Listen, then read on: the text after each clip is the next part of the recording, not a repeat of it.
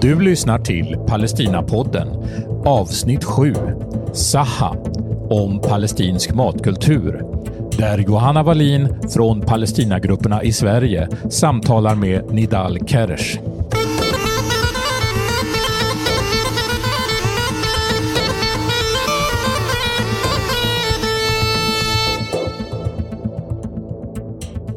Idag gästas vi av Nidal Kersh som är restaurangägare och författare och tv-kock och väldigt mycket mer. Eller hur?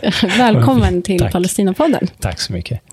Du driver ju alltså eh, flera restauranger i Stockholm.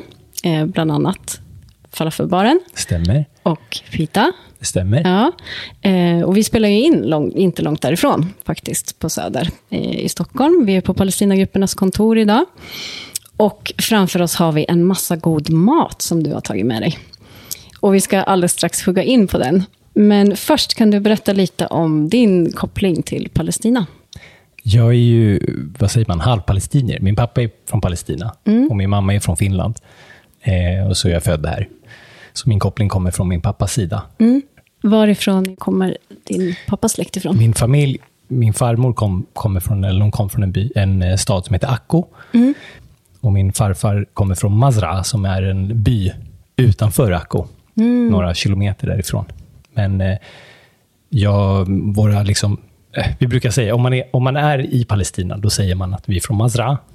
Eh, men utanför så är det ingen som vet var Mazra ligger, pyttelitet, så då säger vi att vi är från Akko. Men jag har släkt i Akko och i Mazra. Har du tillbringat mycket tid där? Jo, men det har jag gjort. Vi har tillbringat våra somrar egentligen sen vi var små. Sen jag föddes har vi varit där i princip varje sommar. Eh, så vi har varit där både själva och med liksom våra föräldrar. Och min mamma var där också väldigt mycket när vi var små. Så, men sista, man kan väl säga, sista tiden så åkte vi alltid, jag och mina bröder åkte själva eh, och var där fram tills ungefär vi slutade gymnasiet kan man väl säga. Okej. Och sen hade vi en period när jag gick i sjuan, eller ja, det måste varit i sjuan. Då bodde vi där ett halvår. Då hade min pappa startat en restaurang i Akko eh, som hette El Nauras. Så då var vi där ett halvår och gick i skolan där och sådär. Ah, Och okej. sen eh, kom vi tillbaka, kan man säga. När, när, när jag började åttan igen. Jag förstår. Eh, och du är ju som sagt restaurangägare. Du driver eh, flera restauranger tillsammans med din familj också. Eller? Ja, din fru, min fru, precis. Ja. Eh, och hela din familj är ju, är ju, jobbar i matbranschen, Ja. kan man väl säga. Det har blivit så. Ja, hur, hur blev det så då?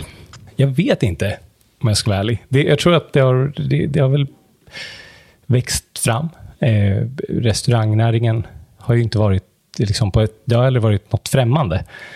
Jag tror att för min del så har jag alltid sett, ja men, det, jag har sett det som en försörjning. Eh, min pappa har alltid jobbat, så, så länge som jag kan minnas, med antingen haft en egen restaurang eller jobbat på andra restauranger. På något sätt har han försörjt sig genom att sälja mat. Om det har varit på en festival eller vad det nu har varit. Så har alltid så har mat varit liksom väldigt involverat i försörjning. Och eh, samma sak med min mamma. Hon jobbade som kokerska på dagis och på, ja, framförallt på dagis. Eh, så hon har också liksom jobbat med mat. Och eh, så kanske att någonting där har fastnat. Liksom. Vi, har alltid, vi har alltid pratat om mat på ett sätt som är både att det är gott, eh, för vi gillar att laga mat och det är mycket mat liksom över, överlag. Jag tror att jag minns att alla mina vänner, de, de berättade alltid att de tyckte att det luktade mat hemma hos oss. Så jag har alltid lite trauma för att jag tror alltid att jag går runt och luktar mat. Men eh, jag tror att det har varit med. Eh, och sen har vi alltid pratat, mat har alltid varit en del, alltså det är inte bara mat, utan det är också, eftersom det är en försörjning, så vi, samtalen har alltid varit så här, men det här skulle nog, det här skulle funka i Sverige, typ. Man har varit, nå- varit någonstans och ätit någon maträtt, bara, men det här skulle man ta hit för att det inte finns. Så det har alltid funnits den här uh, idén, eller ja, det entreprenöriella, liksom, att man så här, kan göra någonting med den här idén, förutom att det är gott. Så det har väl kanske hängt, hängt kvar. Och sen blev det väl så att när jag slutade gymnasiet så mitt första jobb var på Hotell Rival, eh, som var liksom ett första riktiga jobbet. Jag Ja. hade väl sommarjobbat lite så, men det var också faktiskt inom café och sälja glass och liksom Eh, så att det var ju, eh, någonstans har alla de här jobben varit med mat. Men sen, sen efter det så har det liksom varit en, en ganska trygg punkt kan man säga. Eh, där man alltid, jag har pluggat och gjort massa annat, men så fort jag behövt ett jobb så har jag alltid fått jobb på restaurang. Och då efter några år så, ja, så har man gjort det ganska länge. Och då kommer man till ett val, liksom att ska man göra någonting mer eller ska man göra något annat? Och tillfälligheter kan man väl säga gjorde att det blev en restaurang till slut. Och vad var det första, den första restaurangen? Först öppnade vi ett café i Aspudden tillsammans med min bror. Och då hade han ett, han har fortfarande det, ett kafferosteri. Mm, Och precis. sen eh, via Aspudden så lyckades vi, ja, via en otrolig tillfällighet, men vi tog över en lokal på Hornsgatan. Mm. Ja, av att det kom in en kille som drack en kaffe och så sa han så här, ja men fan ni borde ju vara i stan. Mm. så jag tack för tipset. du har, ja, du vissa kommer med bra tips. Och då sa han, eh, då sa han så här, jag har en lokal inne i stan. Jag, jag stängde precis ner den, jag ska precis lägga ut den på Blocket. Men ni, det, den skulle passa er. Och jag trodde det var ett skämt. Liksom. Ja. Men jag tänkte så här, men jag hänger på och kollar. Och då körde vi på. Liksom. Så det började med att vi, vi flyttade dit, kaféet. Och sen ehm, ja, gick det inte så jättebra. Eh, det var, vi var inte så duktiga på att driva café. Eh, och sen har den här idén med falafel alltid, den har faktiskt funnits, den har funnits väldigt länge. Eh, men lokalen hade liksom inga förutsättningar för att egentligen laga mat. Ingen ventilation och, och det, är väl, det, var väl, det är väldigt dyrt att in, liksom installera de här grejerna. Så vi visste inte riktigt vad vi skulle göra, så egentligen det vi gjorde var att vi, vi var tvungna att hitta på någonting. Eh, så vi, först gjorde vi liksom en, ett test, så vi, vi tog en fritös och ställde utanför lokalen. Så friterade vi på gatan och gjorde liksom som ett litet event. Och då kom det ganska mycket folk den, den helgen. Liksom. Och så på måndagen kom de från trafikkontoret och sa att det får ni inte göra. Det var för mycket folk på Hornsgatan för folk kla- klagade på framkomlighet. Okej. Eh, och då sa vi så här, men vet ni vad, vi, vi, vi fattar, vi kommer inte göra det igen. Men då började vi fritera i lokalen, liksom, i så små, små stekpannor. Och eh, för att göra en lång historia kort, så liksom, det började egentligen bara med att vi, vi tog bort allt som hade med, liksom, vi slutade servera mackor. Vi tog liksom ett beslut att nu, nu satsar vi på det här. Och så skrev vi bara liksom falafel på menyn. Och så kom det in någon kille först. Jag kommer ihåg faktiskt just första gästen, för det är en sån rolig... För mig var det som en vändpunkt, kan man säga, i, i livet. Där eh, han kom in och frågade om, om vi hade någon macka. Och jag sa nej. Eh, vi har ingen macka, men vi har falafel. Han bara, okej, men jag tar en falafel. Och så åt han den och så kom han tillbaka och så sa han att ja, men det, här, det här var det godaste jag ätit. Var den godaste falafeln jag ätit. Och den dagen tror jag vi hade en kassa på sig 300 spänn. Så att det var ju total eh, förlust för alla som förstår hur lite... Alltså Ja. det, det räcker liksom ingenstans. Men Nej. jag gick hem och var väldigt glad. Och jag gick hem med en annan energi Mm. än vad jag haft kanske då sen vi började. För det, när man jobbar med restaurang så är det lika... Du jobbar lika hårt när det går dåligt. Det är liksom, du står där ändå. Så det är mycket lättare när det går bra. Men framförallt tror jag väldigt mycket på den här energin. Att Jag gick hem den dagen och var glad. Och sen dagen efter så gjorde vi två falafel och sen blev det fem falafel och tio falafel. Alltså det, till slut så vi jobbade i medvind. Och eh, så på den vägen är det. Och sen nu har det gått åtta år. Liksom. Ja. Så det är, väldigt, det är en rolig, ja, det är en rolig historia. Ja, verkligen. Tur att han kom in just den dagen. Exakt. ja, och nu sitter vi här och har mat från falafelbaren framför oss. Berätta, vad är det vi äter, eller ska äta? Ja, men vi ska käka eh, eh, hummus som är en... Eh, man äter ju hummus lite annorlunda i Mellanöstern. Man äter ju det mer som, en, eh, som en egen rätt. Här kanske det är lite mer eh, eh, som en dipp. Eh, och, eh, så det är en hummus-tallrik helt enkelt. Och traditionellt i Palestina så käkar man det här som en frukost. Mm, precis. Eh, Så det finns olika varianter såklart på hummus, men den klassiska är väl egentligen hummus och sen har man hummus, hummus och hummus på arabiska är ju samma sak. Precis, men kikärtor. det finns ju hummus som är då krämen och sen hummus som är kikärtor. Så man brukar ha varma kikärtor, eller så kan man ha som i det här fallet att vi har eh, fol. Och fol tycker jag är en väldigt fin böna. Eh, det, är, ju- det, är, det är ju favabönor, eller bondbönor som man kallar dem. Och eh, det är ganska kul för att de växer väldigt bra i Sverige. Och Just har vuxit väldigt, väldigt länge. Men det är ingenting som man käkar i Sverige. Nej, Utan det odlas egentligen bara som foder för kor. precis. Eh, vilket är kul för korna, men det är lite synd eh, att, eh, att man inte använder det mer. Mm, Men det är en jätte- väldigt gammal, liksom, eh, vad säger man, kulturväxt Ja, liksom, som man och har odlat. näringsrik och allt. Mm. Otroligt nyttig. Eh, så här är det hummus och sen är det fol i mitten och sen olivolja.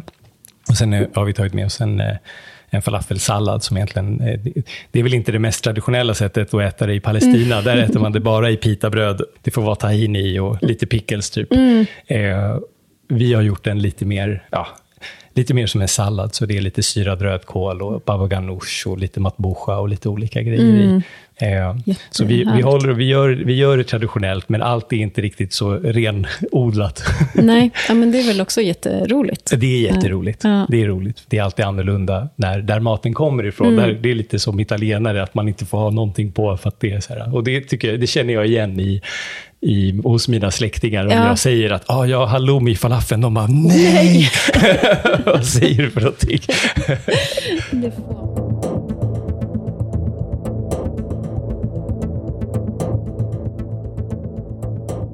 Hur skulle du beskriva den palestinska maten, liksom smakerna, för någon som aldrig har ätit palestinsk mat? Jag skulle nog beskriva den som ganska medelhavs eh, liksom, mat. Eh, mycket färska grönsaker. Det är mycket olivolja, mycket citron, eh, mycket persilja. Eh, g- beroende på vart man är såklart. I Palestina så kan det vara mycket fisk, mer kött. Just det. Mycket yoghurt. Eh, det är väl, eh, jag skulle säga yoghurt är väl kanske det som skiljer sig kanske från andra liksom, medelhavsländer. Men jo, alltså, vi gör mycket grejer med yoghurt. Mm. Eh, och vad kan det vara mer? Ja, men det- mycket kryddningen också, är det Kryd- inte det? Jo, men kryddningen skiljer sig för det är lite mer, lite mer spiskummin, lite mer liksom, kanske lite mer åt det, ja, men, så här, jag tror många som har varit i Grekland kan känna igen sig i Just det det. Mm. palestinska köket. Jag gör det i alla fall. När jag åker till Grekland tycker jag att det är väldigt likt. Mm. Och det är mycket fyllda grejer, paprika och liksom som man fyller med ris eller med, vi gör med bulgur. Eller, Just det. Mm. Eh, och sen finns det såklart en liten mix av det hela också. För att ja, men vi har ju någon som heter typ morabi som är egentligen en marockansk rätt. Det är Just det. palestinskt, men den har ju kommit från Marocko, som man gör de här maftoul, som är liksom lite större couscous. Och, så jag tror, jag tror palestinsk mat också är ganska, den är väldigt varierad. Den skiljer sig ganska mycket om man är i Gaza eller om man är i norra liksom, Palestina. Så det skiljer sig. Men jag tror de gemensamma nämnarna skulle jag nog ändå säga är mycket citron, mycket färska liksom, örter Ja. eh, och sen eh, mycket zatar alltså, och, eh, och mycket olivolja. Mm. Precis, olivoljan är ju verkligen Jätte, ja, men viktig. Viktig. Liksom. Ja. Eh, många tänker ju att det, är, att det är mycket kött kanske i, eh, i palestinsk eller arabisk mat Ja, överhuvudtaget. ja. Men jag som då äter vegetariskt och som har barn som gör det också, har ju, Ja. mitt intryck är att det är väldigt mycket som är vegetarisk Ja. mat, eh, utan att man kanske tänker på det. Det är liksom inte den, den eh, labeln man sätter på, men mycket grönsaker, mycket eh, baljväxter. Mycket, precis. Mycket hummus, mycket fol. Mm. Men bara där har vi ju liksom en... Om man äter en portion fol till frukost så är man ju liksom... Det, det är ju riktigt sån här, det är byggarmat. Ja. Det är ju lite som Sveriges relation till havregrynsgröt. Typ. Mm. Alltså det, det är riktig, riktig mat. Eh, så jo, det finns jättemycket vegetariskt, men jag tror det är som du säger, det är inte så lablat. Alltså man har inte den identiteten Nej. att jag är vegetarian. Precis. Så jag tror köttet, jag tror att det är en viktig del i matlagningen. Men det finns ju alltid sallad, det finns ju alltid liksom grejer runt omkring Mm. som inte är kött. Och falafel är ju en sån rätt som verkligen är... Precis. Eh, Också det här att man till vardags äter mycket vegetariskt och sen så ska det vara, har man gäster eller är det en högtid Ja, eller fest, då absolut. är det ju kött Då är det kött, fisk. för kanske. det är det lyxiga. Och sen, jag menar, det är som med alla. ju mer pengar man har, desto mer Ja. kött äter man. Mm. Eh, för att, nej, jag tror att rent traditionellt, även om man tar de här rätterna som finns, som är då köttbaserade, om du tar så här maklubi eller Mm. eh, vad finns det mer? Ja, men, eh, dawali, de här vinblasdolmarna Mm. som de, de går att göra vegetariska också, men även där eh, så är köttet som en krydda. Precis. Så det är fortfarande 90 procent aubergine, ris, eh, det andra. Och sen är det kött i. Men det är inte det här, det är inte, det är inte 400 gram kött. Det, det är det faktiskt inte i, Nej. i, i, i någon rätt, skulle Nej, jag väl säga. precis. Sen är kött, visst, det, det, det finns, men det är väldigt tacksam mat om man är vegetarian. Det är väldigt smakrikt, väldigt gott Ja. och du behöver inte ha i kött. Precis. Eh, verkligen. Eh, Jag har ju eh, bott i, i Palestina i, i många år och, och för mig så är Palestina väldigt mycket maten. Eh, både det här med smakerna men också råvaror, eh, vad, vad man äter när och hur man lägger upp maten och serverar maten och liksom det estetiska i, i maten Verkligen. också. Eh, och att det är så säsongsbundet och, och högtidsbundet också. Många Ja. rätter som är liksom, det här äter man bara då. Det. Eh, det skulle vara otänkbart att servera den rätten en vanlig fredag. Nej. Eller något. Det är fredag i och för sig inte vanlig, men säg söndag då. Ja. Eh, och också den här centrala rollen som maten har i, i vardagen. Att Mm. det är liksom inte bara mat. Och det tror jag i och för sig inte att mat är någonstans. Nej, nej, eh, nej. Mat är nog så för, För många. för, för många, om inte de flesta, så fyller den funktionen. Precis, men jag kan också tänka mig att när man är i ett samhälle som lever under, under förtryck, under ockupation och där ens identitet och, och kultur är så hotad hela tiden, att maten kanske också blir ännu viktigare som någon slags här, identitetsbärare nästan. Skulle du Hålla med. hålla med? Ledande fråga. Exakt, skulle hålla med. Nej, men, eh, ja, självklart eh, eh, håller med om det. Eh, sen tror jag liksom att man... Jag tror att mat blir, det, det blir viktigt beroende, alltså beroende på i vilket sammanhang man är. Jag tror att för, för vår del så blir blev ju maten en... Nu, har, nu tror inte jag att liksom min pappa hade någon plan. Det är inte, jag tror liksom inte han satte sig ner och bara, nu ska de lära sig äta mjaddara, som är en rätt. Liksom. Det, det är inte så. Men jag tror att han... Jag tror att vi via maten, förutom då språket, så att för vi, vi, vi kan arabiska, så att bara det gör att jag, jag, känner, jag känner ju mig hemma. Egentligen, ja, I Palestina och i faktiskt vilket arabland som helst. Och det, det är ju språket som gör att jag, liksom, jag, jag är hemma. Jag, jag förstår vad alla säger, Ja. så det är jätteviktigt. Såklart. Och, och sen det här med, med kulturen, att, man, att det inte är främmande. Eh, maten är inte främmande. Eh, och det är för att då, både pappa har ju liksom, eh, han har inte bara lagat palestinsk mat hemma, så är det ju inte. Men Nej. han har ändå gjort palestinsk mat hemma. Och framförallt när vi har, när vi har varit i Palestina, då har ju min farmor varit den som har lärt oss. Eh, i- utan att egentligen säga det. Så har hon, för jag tror att matlagningen för henne var hennes stolthet. För hon var riktigt duktig på att laga mat. Och hon gjorde en... en jag tror, hon kanske inte tänkte på det heller, men hon lärde oss. Och genom att fråga, vad, vad, vill ni äta idag? Och i början kanske vi inte kunde så många maträtter. Men efter du vet, tre, fyra år, då hade vi liksom ätit kosa, wara dawali, bamji, alla de här rätterna. Och då hade man ju sina favoriter, sabanech. Och, och då började man ju önska sig rätterna. Liksom. Och jag menar, hon har ju uppfostrat liksom åtta barn. Plus deras barn. Plus oss. Alltså, vet, jag tror hon, hon är ju...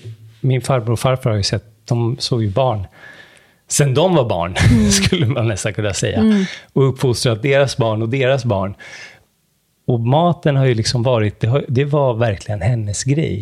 Hon höll ihop hela familjen med sin mat.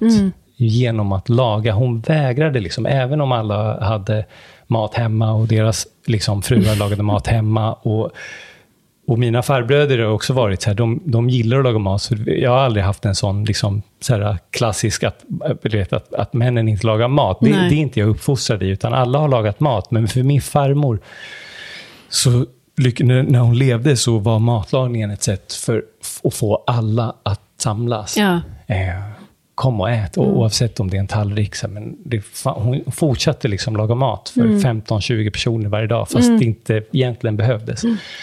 Så det är jag tacksam för. Eh, Mm. Ja, ja, vad fint. Och det tycker jag att du fångar så himla fint i din bok också. Shakshuka heter den, eh, Jerusalems mat. Eh, och det är ju precis det här som är kärnan i, i, i den, tycker jag. Och som gör att, ja, för mig är det en av de vackraste böcker jag äger faktiskt. Tack. Eh, jo, men verkligen. Både genom bilderna och texterna som ju är så mycket din familjs historia, men också till stor del Palestinas historia, skulle jag säga. Och recepten som är underbara. Tack så mycket, vad fint Ja, men verkligen. Ehm, Och för mig, som då har bott i, eh, i Jenins flyktingläger, eh, så känner jag igen så mycket av det där med, med just matens centrala roll i varje dag, liksom, i, i ens vardag. Eh, På Frihetsteatern där jag jobbade så hade vi eh, Mohammed eh, som var omelbet, eh, jag vet inte, eh, husmor på svenska, det låter mycket mindre än vad det är. Ja. Men verkligen så här, teaterns hjärta, liksom, hemmets hjärta, mycket. Eh, och som lagade mat varje dag, riktig lagad mat som man kunde eh, äta om man ville till lunch. Och det gjorde ju många.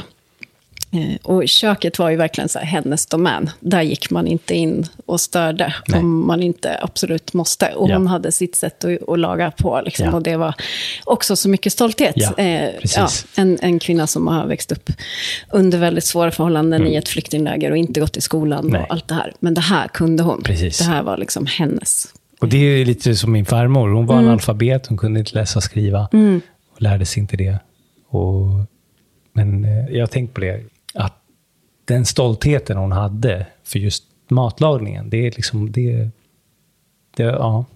Jo, men Det- det är också en kunskap som man inte kan få i skolan. Nej. Eh, det, det får man bara genom att laga Och mat lära sig tillsammans. från början. Ja, precis, och kanske har fått lära sig tillsammans med sina äldre släktingar Ja. och, och, och har ja, sitt sätt liksom att, att göra det här Ja. på. Som, eh, som blir så stor del av ens identitet också.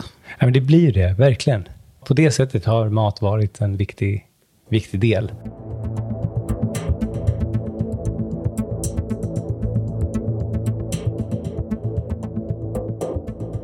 Jag tänker på, den heter shakshuka, din bok. Och det betyder, det är ju en, en rätt Mm. Ja, också, som du visst. kan få berätta om. Ja, men shakshuka är väl en, eh, det är en eh, nordafrikansk rätt. Tomat, paprika, chili, lite spiskummin och sen gör man liksom en gryta utav det. Och sen pocherar man ägg i. Och jag tror att shakshuka, det betyder ju ungefär något som är lite rörigt. Och eh, jag valde eh, det namnet på boken för att, för att det är lite rörigt. På många sätt kanske är bra rörigt. Alltså shakshuka är ju en bra grej. Men, eh, men det är också en sån här rätt som, som är väldigt omtyckt. Enkel att tycka om. Det är svårt att inte gilla tomater och ägg. Liksom. Alltså, för mig personligen så gillar jag också gilla rätten. Eh, och som du sa, det är rörigt. Eh, det är ganska rörigt i Palestina också. Det är det absolut. Ja. Och du är ju insatt och, och engagerad i vad som händer i Palestina på olika sätt. Absolut. Eh, Har, har det alltid funnits där, eller är det Ja, jo, men det har det, det har det gjort faktiskt. Och det är min pappa, skulle jag vilja säga, som alltid har berättat. Så det har alltid funnits ett engagemang och jag har alltid varit, inte bara inom liksom Palestina, men jag är, alltid- jag är intresserad av historia, jag är intresserad av liksom, världspolitik överlag. Eh, Det är kul att analysera världshändelser och vad som händer och så vidare. Men Palestina, det, ja, nej, men det, det har varit en, en fråga som jag liksom har läst om. Förutom att ja, levt det. Någonting som jag alltid har velat kunna mycket om för att liksom kunna svara på saker och ting. Eh, Så jag läste ju, jag skrev väl alla mina specialarbeten liksom, i skolan och sen läste jag väl på universitetet och då skrev jag min C-uppsats om Palestina och Israel. Eh, Jag, jag presenterade en lösning på konflikten. Åh, vad bra. det Exakt, behövs. det behövs en lösning. Eh, så att det, det, jag har alltid varit intresserad av det. Eh, det har jag faktiskt. Jag vet under förra våren när eh, Israel bombade Gaza Mm. igen. Eh, och det var fruktansvärda händelser som utspelades framför våra ögon verkligen. Så, så engagerade ni er också i, ja, från restaurangerna. Att Mm. ni skänkte intäkter till den här insamlingen som vi startade. Det stämmer. Hur, hur eh, kom ni fram till att ni skulle göra det? Alltså, man känner ju otrolig maktlöshet. Eh, mycket handlar nog om att man vill göra någonting. Det, man fattar ju såklart att det, det kommer inte lösa någonting på lång sikt, eller på, ens på kort sikt. Men det är ett sätt att eh, inte vara tyst och ett sätt att agera. Så för oss handlar det nog om det. Att så här, vet ni vad, vi, måste, vi måste prata, vi måste säga. Och vi använder vår plattform, kan man väl säga, restaurangerna, för att vi har mycket gäster och vi ville väl försöka nå ut till så många som möjligt. Eh, och då, då blev det så att vi alla inom familjen gick ut och berättade att vi, ja, men, att vi kommer, jag kommer inte exakt ihåg vad vi skrev, men liksom till stöd för Palestina, att vi samlade in pengar. Och det, det handlar nog om det. det man känner ju en otrolig maktlöshet Ja. eh, över hur situationen är och hur den eh, inte förändras. Och det här blev ett, ja, att man måste göra någonting. Liksom. Hur togs det emot av gäster på restaurangen?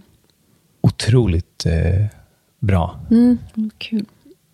Inte ett eh, negativt ord och det, och, det betvivlar jag egentligen heller aldrig. Jag,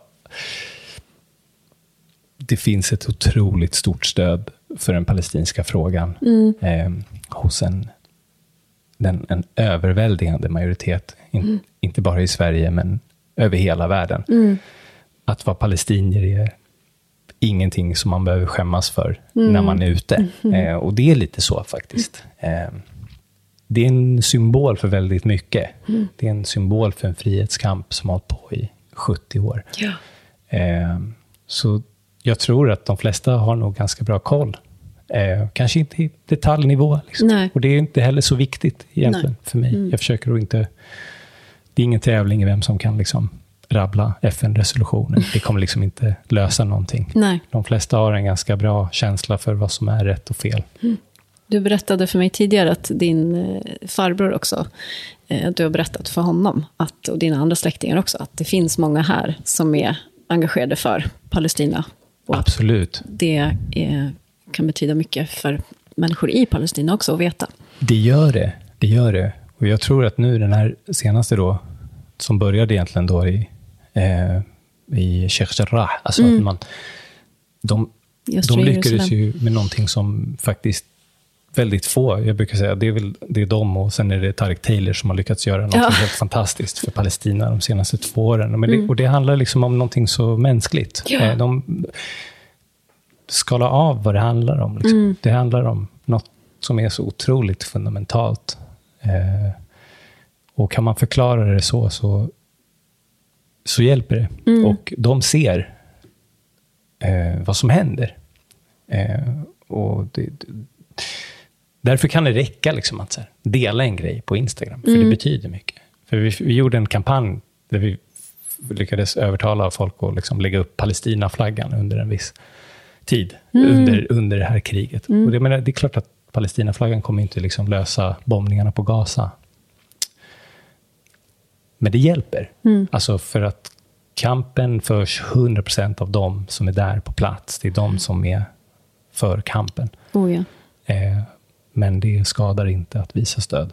Nej, det gör det verkligen inte. Och det kan vara, vara väldigt, väldigt viktigt. Eh, även då, under liksom, 100%. brinnande krig. Verkligen. Eh, Det vet ju vi från våra samarbetspartners också. Att, eh, att sitta i Gaza och vara rädd för sitt liv och samtidigt kunna se i sociala medier att människor går ut på gatorna. eller att, att, folk är ute och Ja, protesterar ja. och att det inte är okej för någon. Och De fattar ju också, det är inte upp till eh, oss. Och, en- alltså, det är inte i vår makt, men vi kan visa att vi inte tycker att det är okej. Precis. Nidal, tack så jättemycket för att du var med oss här idag. Tack själv. Du har lyssnat till Palestinapodden med Nidal Kersh och Johanna Wallin. Palestinapodden produceras av Palestinagrupperna i Sverige. För tekniken svarade Per Skytt. Musik Akram Abdel Fattah och Per Skytt. På återhörande.